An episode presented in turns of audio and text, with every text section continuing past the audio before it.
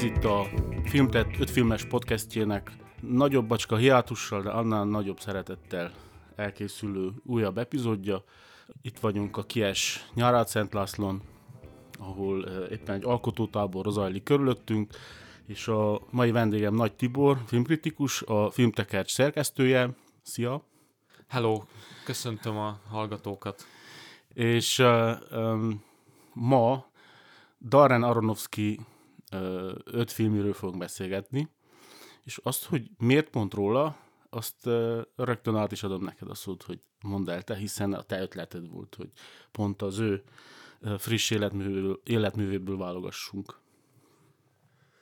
Igen, igen, tehát a Aronofsky utolsó öt filmjéről fogunk beszélgetni, és hát a kérés az volt, hogy, hogy, hogy öt nagyjából összefüggő, valamilyen módon összefüggő filmet válasszunk, és hát arra gondoltam, hogy, hogy Aronofsky utóbbi filmjeiben van egyfajta apokalipszis vízió, ami, ami egyre jobban kibontásra kerül, ezekben a filmekben, és érdemes megnézni azt, hogy honnan indult, és gyakorlatilag a teljes apokalipszis után milyen egyéb ötletei vannak a rendezőnek.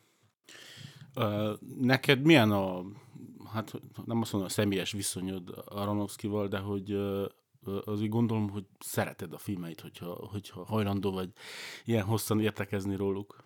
Hát ez, ez úgy, úgy indult, hogy, hogy amikor így az ember kedvenc filmeket és rendezőket választ magának, akkor így gondolkodik, hogy hát na jó, de tőle még nem láttam mindent, na jó, hát ott azt az egy-két filmet nem szeretem, és az arra jöttem rá, hogy így hát Aronofsky filmjeit így sorra láttam már viszonylag hamar, és, a, és az új, új megjelenéseit is követem, és igen, mondhatni, hogy, hogy közel áll hozzám ilyen szempontból, és, és hát egyre jobban szeretem azt az alkotói attitűdöt, amit ő követ. És miért áll hozzád közel? Ez, ez ami igazán érdekel engem.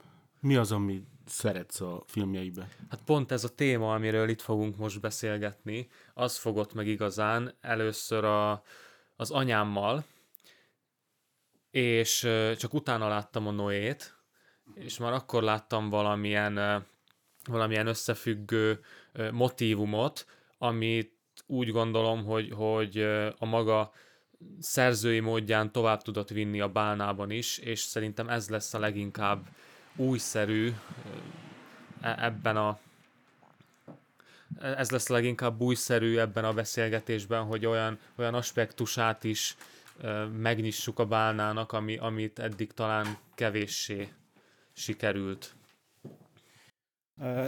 Most, hogy a bálnáról szó esett, ugye a legfrissebb filmje, de hát én úgy érzem, hogy a Bálnának több köze van a hárommal az előtti filmjeihez, tehát a Pankrátorhoz, illetve a, talán még a Fekete Hattyúhoz is, mint ehhez a kettőhöz, amit itt felsoroltál, de akkor, akkor, ha jól értem, akkor maradunk ennél az öt film, az öt legutóbbi filmjénél. Na hát ez, ez, a, ez az izgalmas, hogy a Pankrátorban és a Fekete Hattyúban megkeresni azokat a motivumokat, ami szerintem benne van, és az utóbbi háromban pedig még inkább megfogalmazódott, és jól látod, hogy a, hogy a bálna az valójában felszínen több, több köze van a, az előző kettő filmjéhez, mint az utóbbi kettőhöz, és hát arról szeretnélek meggyőzni, hogy, hogy ez nem teljesen így van, és van olyan, van olyan rétege ami inkább köti az anyámhoz és a Noéhoz. Aha. Ö, az anyámat azt, azt értem.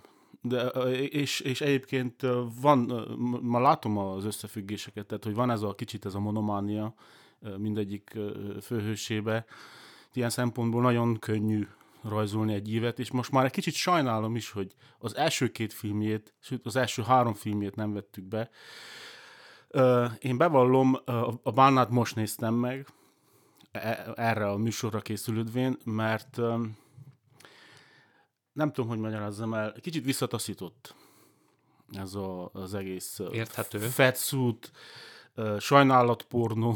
sajnálatpornónak tűnő dolog, és mindig éreztem az Aronofsky filmjeiben egyfajta ilyen erőszakos könyvfacsarási kényszert, ugye talán a forrásban volt az a legdurvább, és lehet, hogy az is a leggyengébb filmje, de szinte mindegyik filmje van egy, tehát hogy nagyon végletes ö, dolgok ö, hoz jutnak el a főhősök, és valami azt éreztem, hogy az nekem nem kell, ez a bálna, és nem, tehát hogy csalódtam, kellemesen csalódtam, nem volt ez egy rossz film, Viszont újra néztem mind a négy filmet, mind a négy az előtti filmet ugyanilyen okokból, és nagyon érdekesen változott az én személyes megítélésemben. Tehát annak idején a Pankrátor ugyanolyan időzélben testhorrornak tűnt, mint most, amilyen a Bálna, és akkor az pont ezért visszataszító volt, és visszataszító volt, hogy hogyan használja a Mickey Rourke valós personáját, aki ugyaní, ugyanennyire szétcseszett figura, mint amennyire a Pankrátor főhőse, a cím, címadó főhőse, és most a film sokkal jobban tetszett, sőt, lehet, hogy nekem ez lett a leg, legkedvencebb Aronofsky filmem, lehet, hogy csak én is öregszem, mint a Pankrátor főhőse, és ezért uh, tudok jobban rezonálni azzal a, az úttal, amit ott bejár a zipse, vagy lehet, hogy egyre jobban értékelem azt a fajta mikrorealizmust, ami azért, amitől azért nagyon távol tud menni Aronofsky a filmet, tehát hogy nagyon szereti a szürreáliát, meg a nagyon hatásos látványosságot, és lehet, hogy nem, lehet, hogy ezért éreztem úgy, hogy jó, hagy, hagyjuk akkor már ezt a, ezt a kövér sajnálatpornót.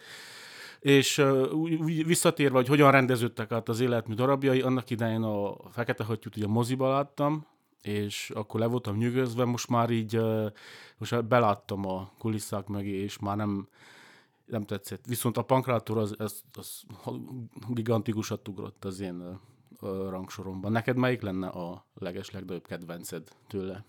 Ő, hát most nagyon sok kérdést megnyitottál.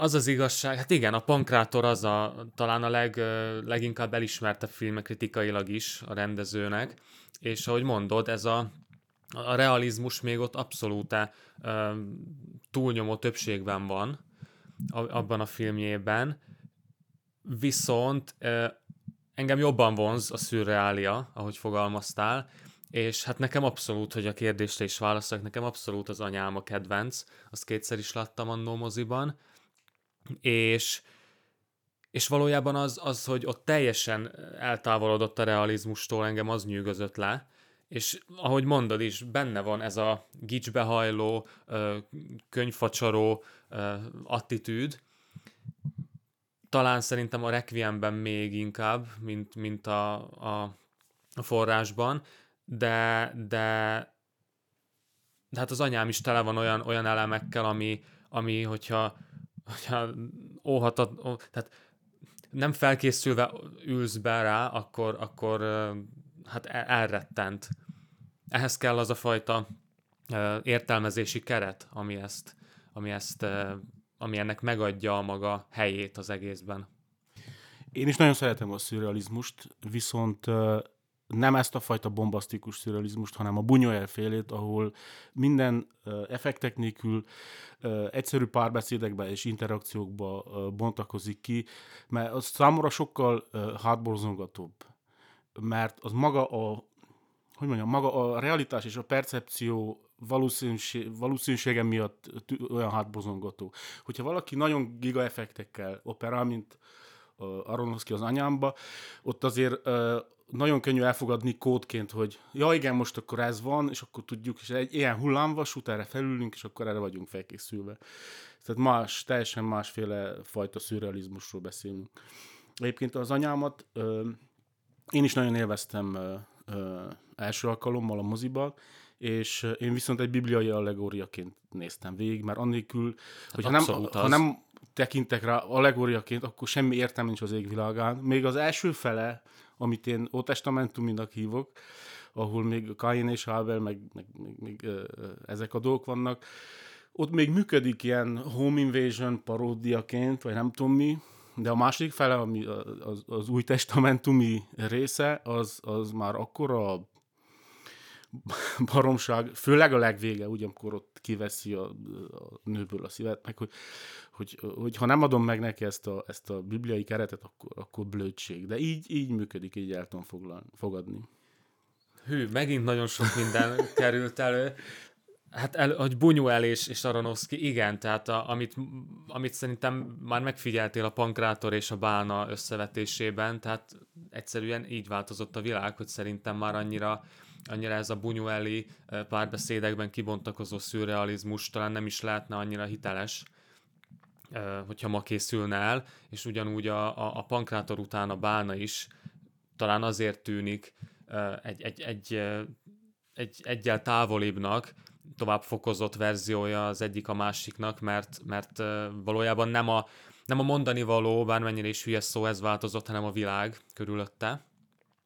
Na de akkor az anyám bibliai motivumai, hát abszolút, tehát Home Invasion filmként ez hát közel értékelhetetlen. Tehát hogyha nem, nincs meg az a, hogyha aki nem ismeri a Bibliát és úgy nézi az anyámot, akkor, akkor jogosak azok a Google-ba írt gyakori kérdések, hogy mi is volt ennek a lényege, és mi, mit is jelent ez az egész, és Aronofskynek valószínűleg ezért kell folyamatosan, vagy kellett hangsúlyoznia, hogy ez egy allegória.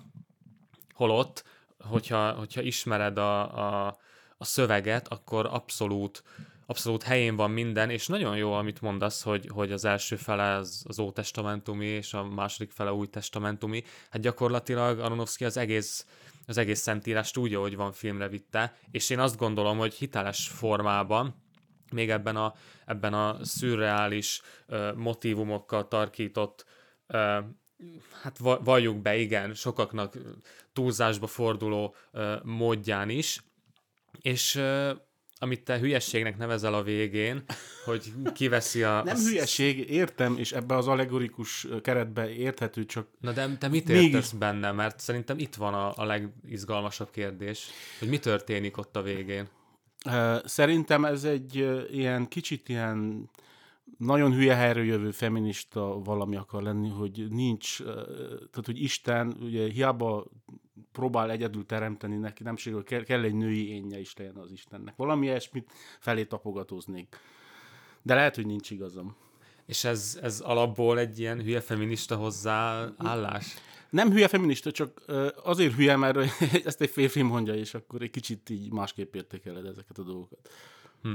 Izgalmas, tehát igen, mindenképpen benne van ez, hogy, hogy van, van Javier Bardem karaktere, aki az ő, és idő után kiderül, hogy ő, ő maga az úr, vagy az Isten, és akkor ki az egészben a Jennifer Lawrence karaktere, hogyha, hogyha a teremtett világnak a, a házat fogadjuk el, akkor hát az én értelmezésemben ő, ő valóban, ebben akkor egyetértünk, hogy, hogy ő egyfajta női isten párja a, a, a zsidó-keresztény istennek, viszont szerintem ez nem, nem a feminizmusból fakad, hanem egy sokkal ősibb, inkább, inkább pogány hozzáállása a dolgoknak, ami, ami ugye a zsidó-keresztény hagyomány mellett, vagy inkább alatt így még benne van, csak nem került... Hát nevezzük nevén Gaja, meg... Uh, Pontosan, hát erről van szó. Igen.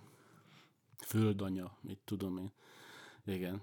Érdekes, hogy ezeket a dolgokat ilyen pimaszul keveri ez a, az Aronofsky, de akkor kere, próbáljunk visszakerekedni a legelső témához, ami egy, egyáltalán elindította ezt az egészet.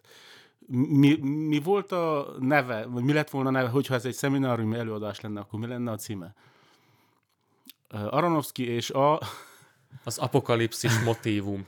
Hát az apokalipszis az megvan, az anyámban megvan. Az anyámban egyértelmű. Na de akkor mi a bálnában? De várjunk még. Ja, még, bocsánat. Még arra, arra szeretnénk itt rákérdezni, hogy, hogy hát mi van az apokalipszis után az anyámban? Hát újrateremtés. Pontosan. Tehát Aronofsky valami olyan, olyan módon uh, csavarja itt a motivumokat, hogy a saját szerzői mondandója is belekerül, olyan formában szerintem, hogy, hogy maga a biblikus uh, hang nem csorbul, vagy uh, nem, nem lesz blasfémikus, azt gondolom. Bár, bár nyilván itt uh, személyek válogathatják, hogy most mit gondolnak blasfémiának ezekben a filmekben, és mit nem. Oké. Okay.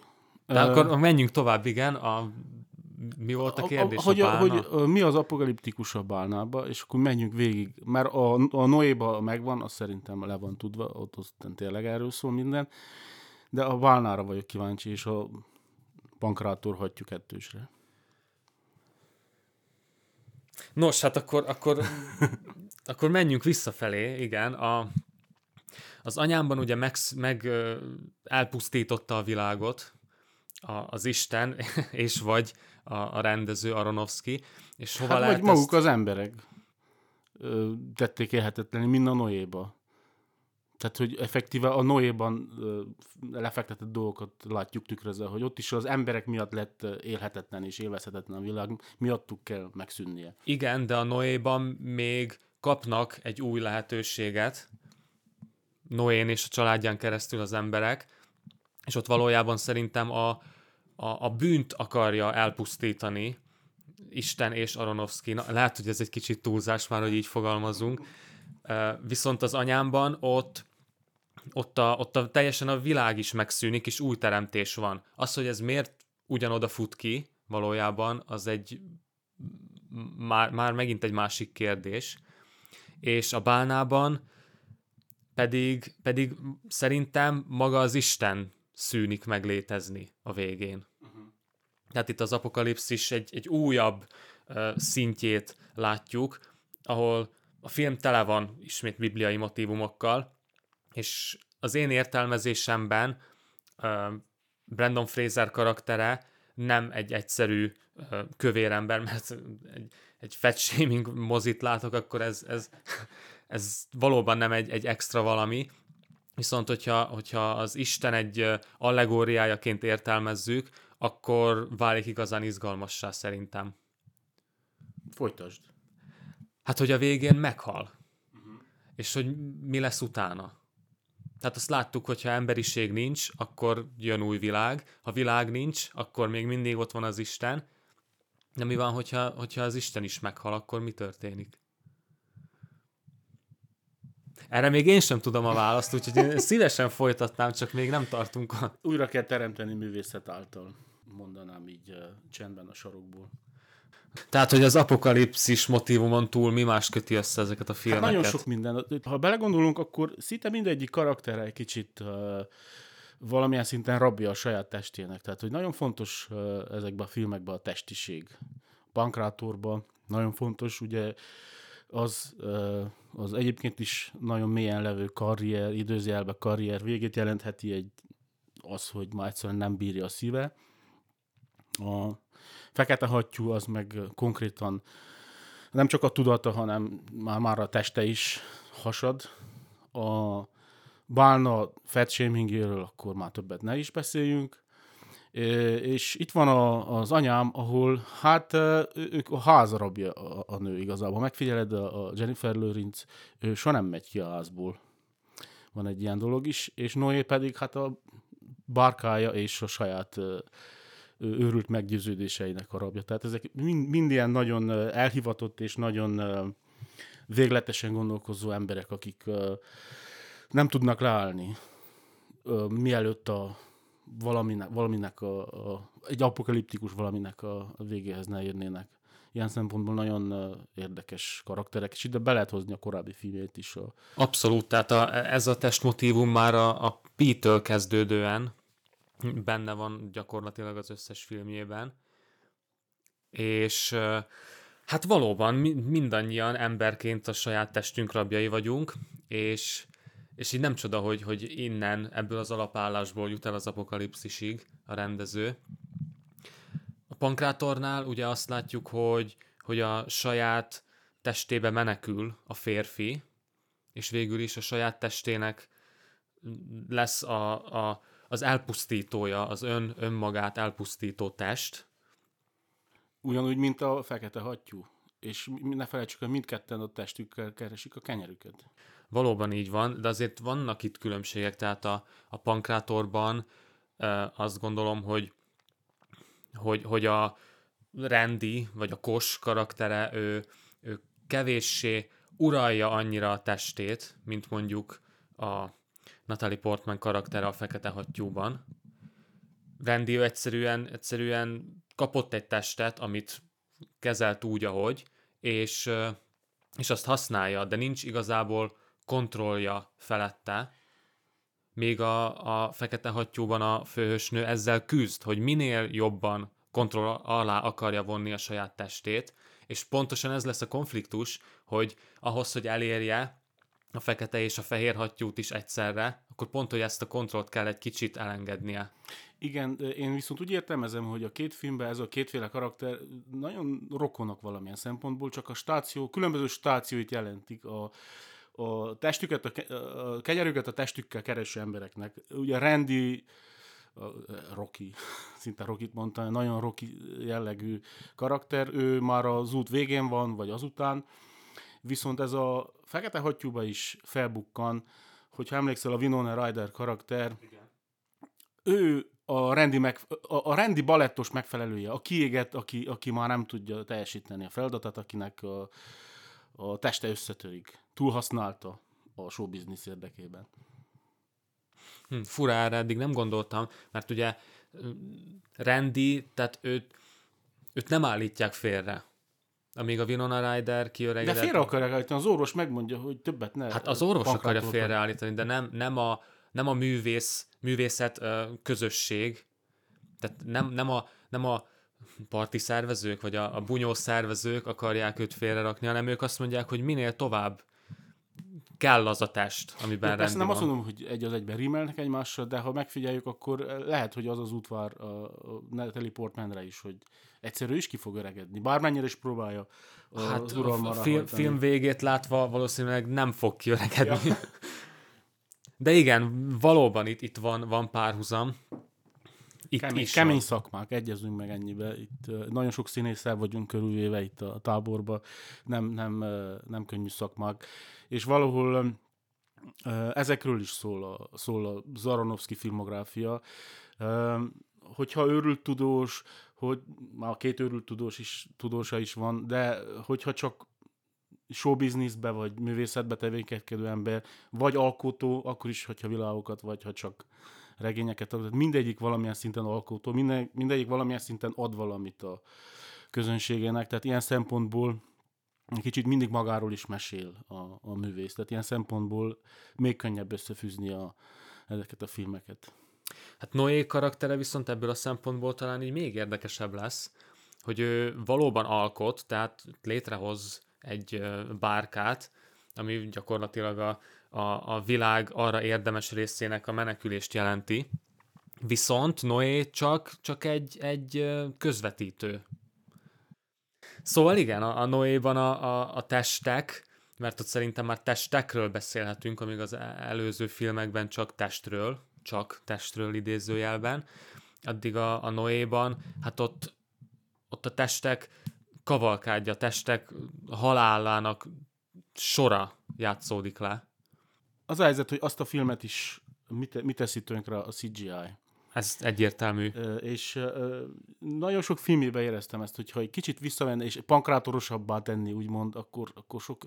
És azon is gondolkoztam, hogy mi a francért kellett kövérnek lennie a Brandon Fraser karakterének a pálnában. Ha belegondolsz, szinte-szinte működne anélkül, hogy kövér vagy, hogy meleg lenne. Mert igazából ott a legnagyobb a konfliktus, azon kívül, hogy meghalt a párja, ott a lányával van ott pedig szinte mindegy, hogy miért hagyod ott a gyerekedet. Jó, hát a, szere, a szerelemért hagyta ott, ugye egy másik valakiért, de hogy az ezzel való megbékélésnek szinte mindegy.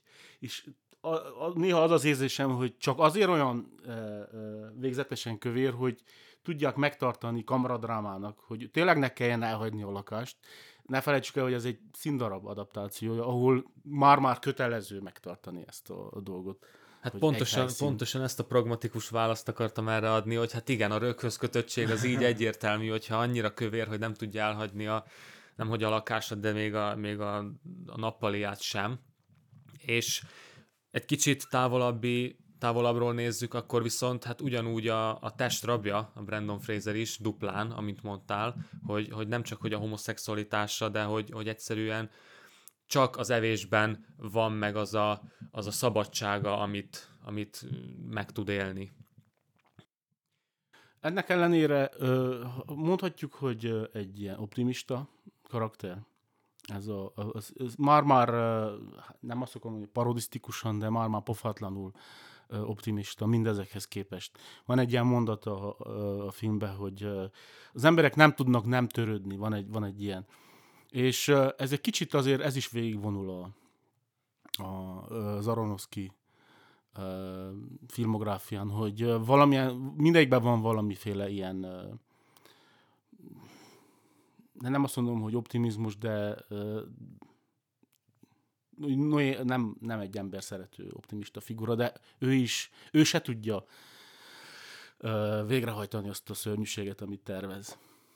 Hát én itt, itt kapcsolnék vissza ahhoz, hogy, hogy a, a bálnában, a bálna egy, egy Isten allegória, vagy egy Isten motívum, és amit te parodisztikus módon optimizmusnak hívsz, az az, az én értelmezésemben valójában a, a szentségnek, a, a, a kiterjedésének egy, hát abóvó léte, hogy, hogy muszáj terjednie a szentségnek, és ez ugyanúgy megvan az anyámban is egyébként, és, és igen, ennek nem lehet valójában gátat szabni, és az Isten is ilyen szempontból a saját teremtett világának a rabja. Nagyon érdekes dolgokat mondasz. Nekem az a fura, nem fura, csak, csak nem, nagyon izgalmas, hogy Aronofsky ugye zsidó létére hát jobban ismeri szerintem a keresztény Bibliát, mint minnyájunk, és mindig visszatér bibliai idézetekhez. Tehát tele van, még, még a bálnában is ugye még van egy külön ilyen keresztény Abszolút, vonal. Mindegyikbe tele van tűzdelve. Még inkább, mint bármelyik kortárs amerikai rendezőben. Nagyon, nagyon izgalmas ez a kulturális, nem tudom mi, egy kölcsönhatás. Hát nagyon fura, hogy, hogy honnan jön, és hogy hova tart. Tehát pont ez az, hogy a, hogy a bálnában gyakorlatilag annyira, annyira pontossá válik ez a, ez a szentség meghatározás a filmben, hogy, hogy egyszerűen az Isten nem akar mutatkozni, közben meg muszáj neki, hiszen hiszen a, a Brandon Fraser karaktere Charlie, nem is emlékszem pontosan Charlie-nak hívják, ő, tanít, igaz csak online távoktatás módon, kikapcsolt kamerával, de egyszerűen muszáj neki tanítania. A pizzafutárnak sem jelenik meg, és amikor mégis a saját lánya mutatja meg őt először Facebookon a világnak a filmben, az is nagyon izgalmas, hogy, hogy a lány ebben, ebben kicsoda, vagy miért csinálja ezt, és utána jön az, hogy, hogy meglátja a pizzafutár, és egyszerűen elborzad, mert, mert hogyha a szentséggel találkozik valaki, akkor, akkor az, az emberi, testbe zárva valójában befogadhatatlan és felfoghatatlan. Erre épített a barokk, hogy, hogy letaglózza az embereket a látványjal. Barokk, és visszatértünk az anyámhoz újra. és illetve még befejezve a gondolatot, tehát a, a, a film vége is, jó, nem a, nem a teljesen a vége, de hogy, hogy megmutatja magát Charlie a, a, az osztály előtt, bekapcsolja a kamerát végül, és hát elborzasztja gyakorlatilag a, a követőit, hallgatóit. Te elborzadnál, hogyha meglátnál online egy olyan valakit, akinek mondjuk hittél a szavába, mondjuk egy tanárt, egy... Mit hát, szólnál? Hogyha... Őszintén. Csak Charlie szavait idézem, légy őszinte. Hogyha tanárt látnék, akkor kétlem, hogy elborzadnék. És ezt érthetjük akárhogy. És te elborzadnál, hogyha hasonló szituációba kerülnél? Igen, de nem bírnék nem oda nézni. Ez a Na hát ez az, az egész. Igen. És, ez a, és szerintem ez, ezt csinálja szinte mindegyik filmében, hogy úgy borzasztó, hogy nem tudsz nem oda nézni. Na ez egy nagyon, nagyon jó észrevétel. Köszönöm szépen.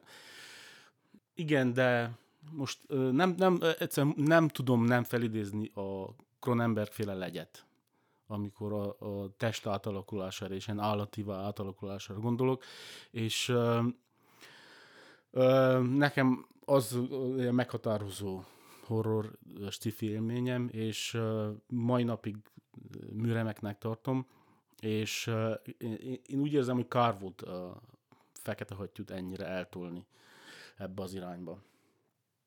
Tehát amikor már látjuk, hogy uh, ilyen, libabőr, pikkelyes, vagy nem tudom micsodással, tehát a leforrázott uh, csirkebőr, a háta, az, az már nekem sok.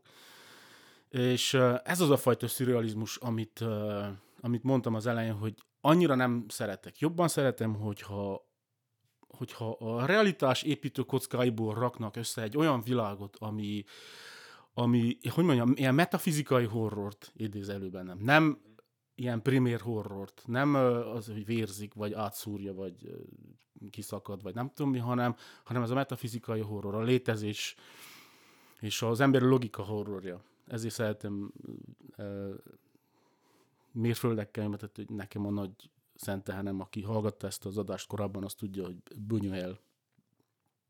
És ezért tetszik annyira a pankrátor, mert annyira meg tudja tartani tehát látszik, lát, tehát lát, szinte látom a, az ereket dagadozni az, az Aronofsky halántékán, hogy vigyük el egy kicsit ilyen fekete hattyú, meg, meg őrült tudós, meg őrült izébe, és nem basszus, meg tud állni, és megelégszik azzal, hogy Mickey Rourke amúgy is szanaszét cseszett testét úgy mutatja meg, ahogy van. Ez nekem végtelenül szimpatikus.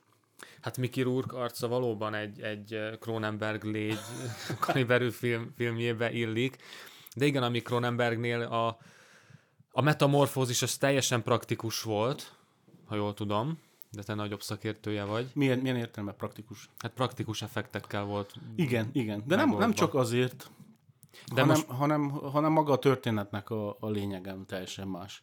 Hát a, nyilván máshol van, de pont arra akarom kifuttatni, hogy a fekete hattyúban viszont viszont azért látom értelmét a CGI átalakulásnak, hiszen ott, ott a filmben a realitás és a, a realitás fölötti, vagy a, vagy a, a főszereplő fejében zajló dolgok teljesen elkülönülnek egy bizonyos pont után mindenki számára. Nem a, nem a CGI-ja volt bajom, hanem nem tudom elmagyarázni. Nem kell nem kell megmutassa azt, hogy ez a csaj konkrétan átalakul, hanem azt sokkal jobban lehet érzékeltetni is le, vagy lehetett volna.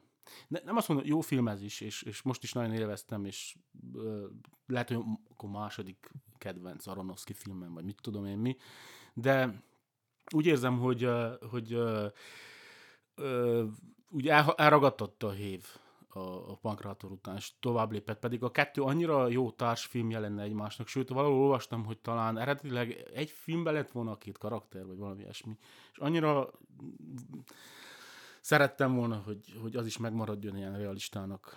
Nem azt mondom, hogy csak realista filmeket kéne csinálni, hát normális, hogy egy Noét nem lehet CGI nélkül, meg ezért nélkül megcsinálni, az, az, egy, az másik kellene kell beszélőkő emberek bele, de hogy ez a két, két film annyira működött volna egymás, sőt, így, így hármasba a Bálnával. Hát, hogyha ismét visszacsatolhatom a biblikus apokaliptikus témához, akkor, akkor ugye a, a pankrátorban, hát ott a férfi bukását látjuk, a fekete hattyúban pedig a nő bukását, és hogyha ezt egy kicsit tovább visszük, akkor a pankrátorban a, nem csak, hogy a, a test, tehát a, a test az egyértelműen elbukik a, a rendi karakterével együtt, az megint más kérdés, hogy a, az utolsó nagy ugrása, amit ami a, a, a végső ütés ajatollahra, ajatollahra mért ütés, az vajon, az vajon hogy értelmezzük, mert ugye csak az ugrást látjuk a, a földetérés, nem? Ez is végtelenül szimpatikus, hogy, hogy ránk bizotom, hogy most már elcsépeltek az ilyen befejezések, hogy amiben nézőre bízzák az ítélkezést, vagy az utolsó varrás, hogy az utolsó cérnaszálad meg, meghúzod, de nekem még mindig nagyon szimpatikusak ezek a, a, a dolgok, mert azt feltételezi, hogy annyira együtt érzel, és megszereted a karaktert, minden rossz, meg hibájával együtt, hogy, hogy be tudod rakni az utolsó puzzle te. És ez egy nagyon szép alkotói gondolat. És itt van egy párhuzam a bálnával, ahol a végén hasonlóan van egy, egy földtől való elemelkedés, ami, ami hát a te szavaiddal élve, tehát ott, ott az utolsó öltés is bekerül valójában a filmbe. De a kérdés az, hogy az egész, az egész hímzést akkor hogy, hogy értelmezed? Mi történik a végén? Megdicsül? Ö, ö, izé, várjál, mi a jó szó? Mennybe megy? Mennybe megy, megdicsül. De milyen alapon? Mi, feloldozást mi... nyer. Hát a saját lelkiismeret által, nem tudom. Meg, megbékél. saját rosszaságával. Ezt akartad hallani? Nem tudom, mit akartam hallani, ezt a, ezt a részét még én sem rendeztem el teljesen magamban, de szerintem az fontos motivum, hogy ott, hogy ott a lány áll az ajtóban, és a Charlie pedig lépéseket tesz felé, vagy a külvilág felé, ahogy vesszük, vagy a lányán keresztül a külvilág felé, és ez, ez ebben a, ezen a rövid úton éri a halál, és, és emelkedik el a földtől, ami, ami a Whiteout-tal a film végén valóban egy kicsit, kicsit talán sok, és nem, nem, nem idézi valójában a, a pankrátornak a, a, a, a finom, finom lekerekítettségét a végén. De ettől függetlenül szerintem még így is, így is az életműbe beleilleszthető ez az utolsó motívum, amit egyébként először előbb elkezdtem mondani, hogy, hogy a pankrátorban a férfi bukik el, a, a fekete hattyúban a nő, és rajta keresztül valójában a szellem is, hiszen először a, a tudata hasad meg a, a, a főhősnőnek, és, és később a teste. Majd a Noéban ugye az, emberi, amiről már beszéltünk, az emberi bűn az, ami végül is kiírtásra kerül, csak aztán átmenekítődik mégis valamilyen. Egyébként ott is szerintem erőltetett ábrahámi motívum által. Mm. Na hát akkor nem tudom, foglaljuk össze valahogy ezeket a nagyon fura karaktereket. Mindjárt nagyon erős áldozatokat hoznak, mindjárt nagyon hibás karakterek, nagyon, nagyon problémás karakterek. Valóban. És, de ugyanakkor törekednek valamiféle átlényegülésre, megbocsáttatásra, újjászületésre akár. Jó, hát nagyon szépen köszönöm. Kicsit jobban cikáztunk az eddigi epizódoknál, sokkal, sokkal inkább össze-vissza cikáztunk az öt film között, de azért úgy érzem, hogy mindegyik kapott valamennyi műsoridőt. Ugye Pankrátor, Fekete Hattyú, Noé, Anyám, ez a Mother, és most leg, legutoljára a The Whale, azaz a Bálna, amelyik tavaly ilyenkor kb. mutatkozott be Velencébe. És nem tudom, tudsz valamit a Mester új projektjeiről? Nagyon sok mindenről szó volt, hogy sok minden filmet fog csinálni, aztán végül elég ritkán jelentkezik ahhoz képest. Hát az utolsó infom nekem is az, hogy nagyon sok projekt van a levegőben, aztán, hogy most éppen melyik, melyik aktuális még, azt én sem követem, hagyom magam meglepni. Jó, hát akkor adja az ég, ugye ez a Aronofsky féle félig biblikus, félig zsidó Isten adja, hogy lepődjünk meg a következő filmjén is nagyon. Köszönöm, köszönöm szépen, köszönöm szépen a lehetőséget.